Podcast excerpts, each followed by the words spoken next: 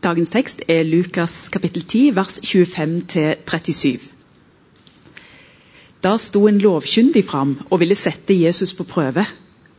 Mester, sa han, hva skal jeg gjøre for å arve evig liv? Hva står skrevet i loven, sa Jesus. Hvordan leser du? Han svarte, du skal elske Herren din Gud av hele ditt hjerte og av hele din sjel og av all din kraft og av all din forstand, og din neste som deg selv. Da sa Jesus, du svarte rett. Gjør det, så skal du leve. Men han ville rettferdiggjøre seg selv og spurte Jesus, hvem er så min neste? Jesus tok dette opp og sa, en mann var på vei fra Jerusalem ned til Jeriko. Da falt han i hendene på røvere. De rev klærne av ham, skamslo ham og lot ham ligge der halvdød. Nå traff det seg slik at en prest kom samme vei. Han så ham, men gikk utenom og forbi. Det samme gjorde en levitt. Han kom, så mannen og gikk rett forbi. Men en samaritan som var på reise, kom også dit hvor han lå. Og da han fikk se ham, fikk han inderlig medfølelse med ham. Han gikk bort til ham, helte olje og vin på sårene hans og forbandt dem. Så løftet han mannen opp på eselet sitt og tok ham med til et herberge og pleiet ham. Neste morgen tok han fram to denarer, ga dem til verten og sa, sørg godt for ham, og må du legge ut mer, skal jeg betale deg når jeg kommer tilbake.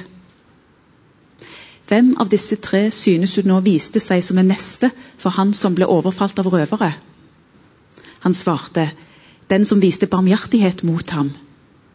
Da sa Jesus, gå du og gjør som han. Slik lyder Herrens ord. Veigrep. Visste du at eh, dekkmønsterets dybde og struktur det bidrar til at bilen holder stø kurs? Ja, Det er sikkert mange av dere som vet. Men uh, det er en del ting om dette med veigrep og et bildekk som man liksom finner ut når man studerer litt nærmere. Selv om man kanskje ikke har hatt så veldig mye interesse for det tidligere.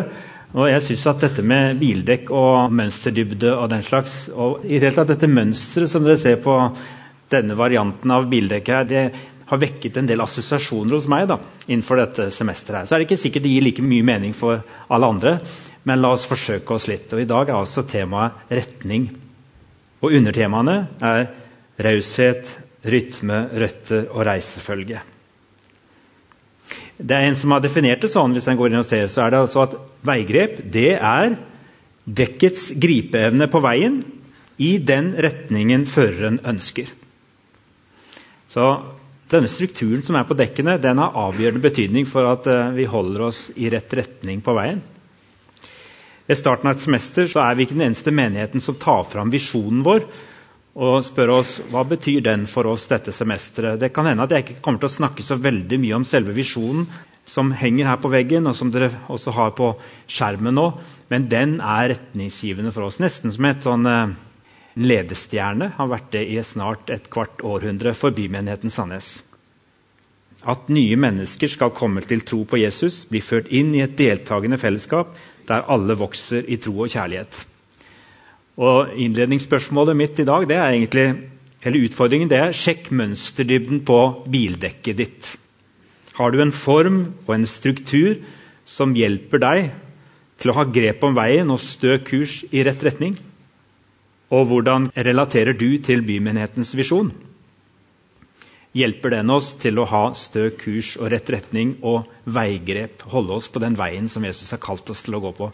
Som enkeltmennesker og som fellesskap. Jesus og den lovkyndige snakker også om en visjon for livet. Og Den visjonen kommer denne lovkyndige med selv, og Jesus bekrefter ja, dette er et godt ord. Hold fast på det. Da holder du retningen. For den lovkyndige sa, 'Du skal elske Herren i Gud av hele ditt hjerte og av hele din sjel' 'og av all din kraft og av all din forstand og din neste som deg selv'. Og Jesus sier, 'Dette, her har du det. Her er det mer enn nok å ta fatt i for et helt liv.' Og her er det antageligvis mer enn nok for oss alle sammen å ta fatt i for dette semesteret. Lev i dette, sier Jesus. Så er det greit. Men så, så vil en lovkyndig gjerne på en måte utfordre dette litt. ja, men Hva betyr det nå i praksis? Og så gir Jesus da en veldig fantastisk konkretisering av hva dette betyr. Hva min neste betyr. Og Den fortellingen kan dere sikkert forlengs og baklengs. De aller fleste, til og med de som ikke regner seg som kristne eller spesielt religiøse i Norge, de har et forhold til begrepet 'den barmhjertige samaritan'. De har en anelse, de aller fleste, om hva det handler om. Men i Lukas 10 så står det faktisk tre fortellinger etter hverandre som hver på sin måte bringer sentrale perspektiver til denne visjonen. Både vår visjon som menighet og denne større visjonen som står i Det gamle testamentet, og som Jesus bekrefter her i møte med en lovkyndige om dette dobbelte kjærlighetsbudet. Tre fortellinger som jeg mener egentlig handler om det samme.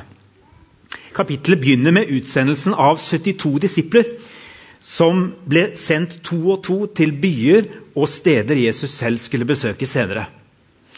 Så får vi høre lignelsen om den barmhjertige samaritan. som vi har hørt i dag, og Til slutt så avsluttes kapitlet med Jesu besøk hos Martha og Maria.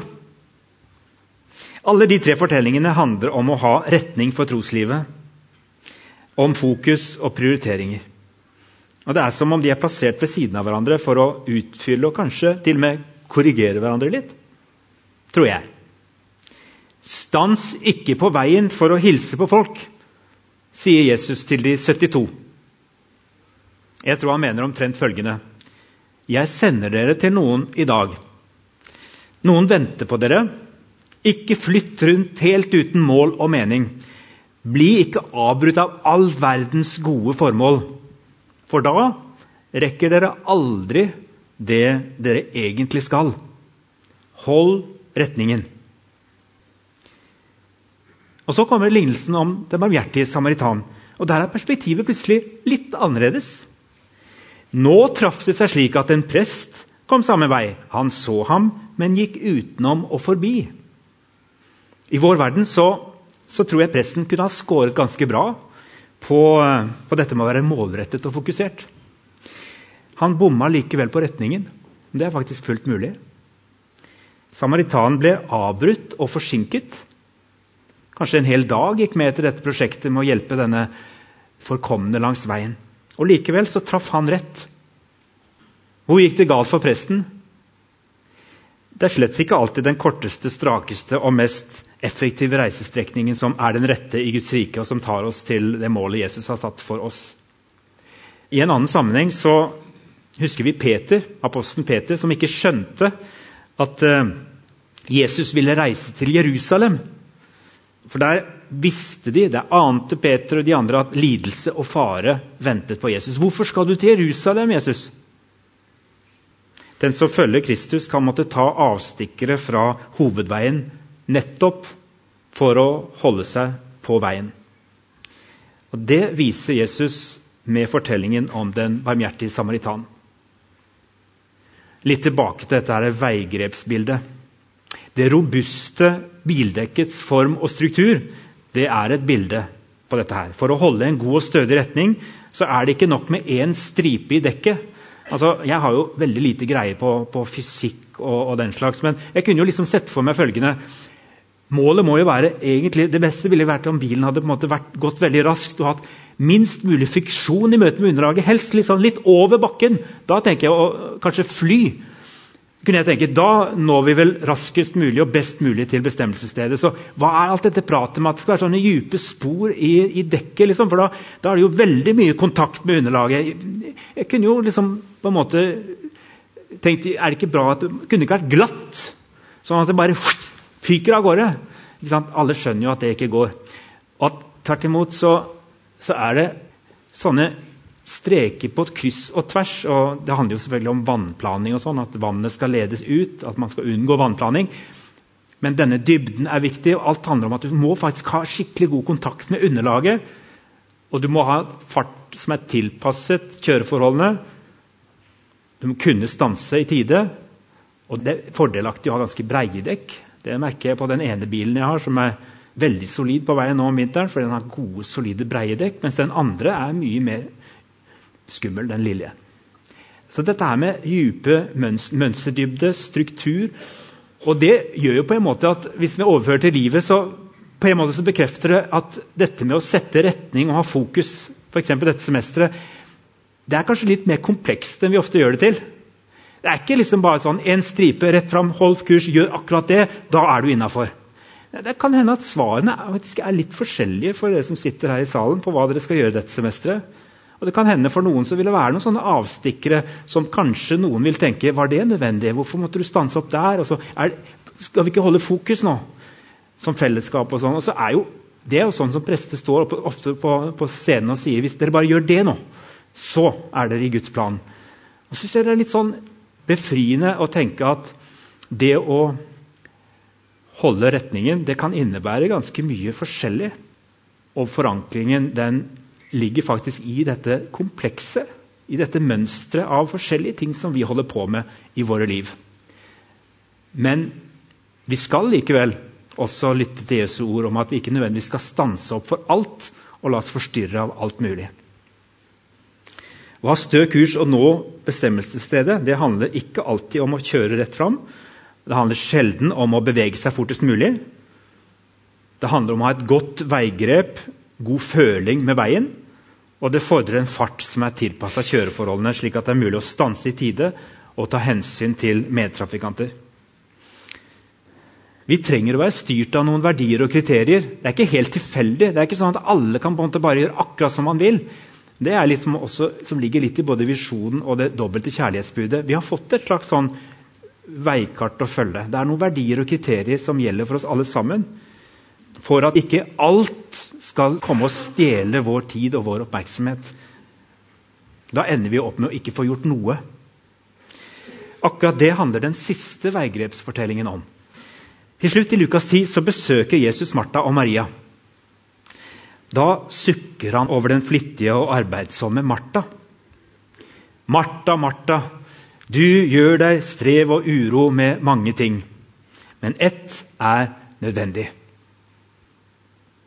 Måten Maria ga Jesus rom og oppmerksomhet på Hun satt altså ved Jesu føtter hun, og gjorde ingenting annet enn bare lytte, og hun lærte. Det var det Jesus ville akkurat der og da. Mens Martha var langt mer fokusert og kanskje i noens øyne gjorde noe nyttig men Martha gjorde feil. Hun som gjorde alt for å ære Jesus med et godt måltid, bommet litt den dagen. Kanskje kan vi si at den aller siste historia i Lukas 10 det er en gyllen sirkel rundt de to første. For både de 72 utsendte og den barmhjertige samaritan handler om å sendes av Jesus ut i verden som bærere av fred og kjærlighet. Er det noe vi skal holde på med som kristne, så er det det. Og det ligger nesten i vår kulturarv. Det er noe av det beste i kristendommen. det at Vi skal på ulike måter være bærere av fred og kjærlighet ut i samfunnet. I møte med mennesker. Noe av det fineste det går an å si om oss, er hvis vi klarer å gjøre det. Den siste historien om Maria ved Jesu føtter den handler om at vi trenger å la Jesus elske oss først for at vi skal være i stand til å gjøre noe for andre. Det er lettere å glemme enn en kanskje tror. For skal vi ta imot kjærlighet, så må vi være villige til å stanse og sette av tid. Ikke ved å sette oss ned og granske vårt eget speilbilde på leting etter rynker og feil. Heller ikke ved å selvutslettende gå helt opp i andres behov og problemer. Det er liksom to ytterpunkter her. Men dette trenger vi. Vi trenger å gi Jesus plass og rom først. Være i Jesu nærvær. Lekende, lyttende, lærende. Det er egentlig ikke så vanskelig. Jeg tror ikke det var så vanskelig for Maria, men det er likevel vanskelig likevel. Men det, for det handler jo egentlig om å gjøre veldig lite. Men det å være hos Jesus og bli sett av han, ikke nødvendigvis alene, kanskje sammen med noen, men det å bare være hos han, det er den gylne sirkelen rundt alt det andre nyttige som dere skal bruke dette semesteret på. Og Her ligger det en nøkkel til noe veldig viktig, tror jeg. Alle disse tre fortellingene bidrar hver på sin måte til å konkretisere det trefoldige kjærlighetsbudet som omtales i Lukas 10, 27. Du skal elske Herren din Gud og la deg elske av Han. Jeg tenker Det henger sammen. Av hele ditt hjerte, hele din sjel, og all din kraft og all din forstand. Og din neste som deg selv. De 72 utsendte, den barmhjertige samaritan og Martha og Maria, som tok imot Jesus i huset sitt. Hver på sin måte hjelper de tre veigrepsfortellingene oss til å gå fra ord til handling. For kjærligheten den er alltid konkret. Den kan vi ikke bare sitte og snakke om og diskutere. Den er ikke abstrakt. Det er ikke filosofi, dette her. Det er handling. Og Det samme må våre visjoner være. Det skal også menighetsvisjonen være. Denne må settes ut i konkrete fortellinger om hva det er vi holder på med. Ellers mister vi veldig fort retningssansen. Jeg sjøl er personlig spent på hvordan disse neste månedene skal være for meg. Jeg er spent på hva som blir mine veigrepsfortellinger. Og jeg tenker at noe av det beste for meg er å bli kasta litt ut av den bobla som det er å være prest i en menighet som bymenigheten, der det er mye fokus på å følge opp kristne. Å være sammen med kristne og gi næring til mennesker som allerede har en veldig sterk og god trygghet ofte i troen. Og så skal dere sendes videre ut. Men nå får jeg enda større mulighet til å tvinge meg til å gå og snakke med mennesker på en avdeling, invitere meg sjøl inn der kanskje de egentlig ikke har så veldig lyst til å snakke med en prest, eller kanskje ikke trodde de trengte å snakke med en prest. Og det er jeg spent på. Hvilke veigrepsfortellinger jeg kan få med meg i livet dette semesteret. Jeg er spent på hvilke mennesker Jesus sender meg til. Og så ønsker jeg for dere at dere skal stille dere sjøl det samme spørsmålet ved inngangen til dette semesteret. Hva ønsker du at dine veigrepsfortellinger skal handle om? Det kan jo hende at uh, du kjente deg trigget mer av den ene eller av den andre. Når du tenker 'hvordan skal jeg holde retningen dette semesteret'? Kanskje ble du trigget av dette å være sammen med to og to som sendes ut, og som er litt fokusert dette semesteret, og som på en måte sier nei til en del ting fordi det skal til et bestemt hjem og være der og holde dere der i overført betydning. Og ikke flytte fra hus til hus, men vite at det er det jeg nå skal gjøre. Og nå skal jeg få lov til å si nei til en del ting og være litt i det bestemte fokuset som Jesus har for meg allerede nå. Gud har for meg, eller det høres åndelig ut, som jeg kjenner at jeg er dratt mot nå i mitt liv. Da skal du få kjenne frihet på det. Men så kan det godt hende at du også skal få kjenne deg litt trigget av den andre fortellingen om at eh, jeg skal være åpen for hva dagen vil bringe. Jeg skal være åpen for disse hellige avbrytelsene. For kanskje det å bli stanset i min egen plan er nettopp det Jesus vil at jeg skal. Og ikke gå forbi når plutselig en, eh, en person trenger meg på en spesiell måte. Og Kryss litt av og del med noen noen sånne fortellinger, veigrepsfortellinger. Og så håper jeg den sirkelen er der for oss alle sammen rundt. At vi også opplever å få være i Guds nærvær og ta imot nåde, kraft og krefter til den veien vi skal gå på. Må Gud velsigne hver og en av oss med våre egne veigrepsfortellinger i 2024.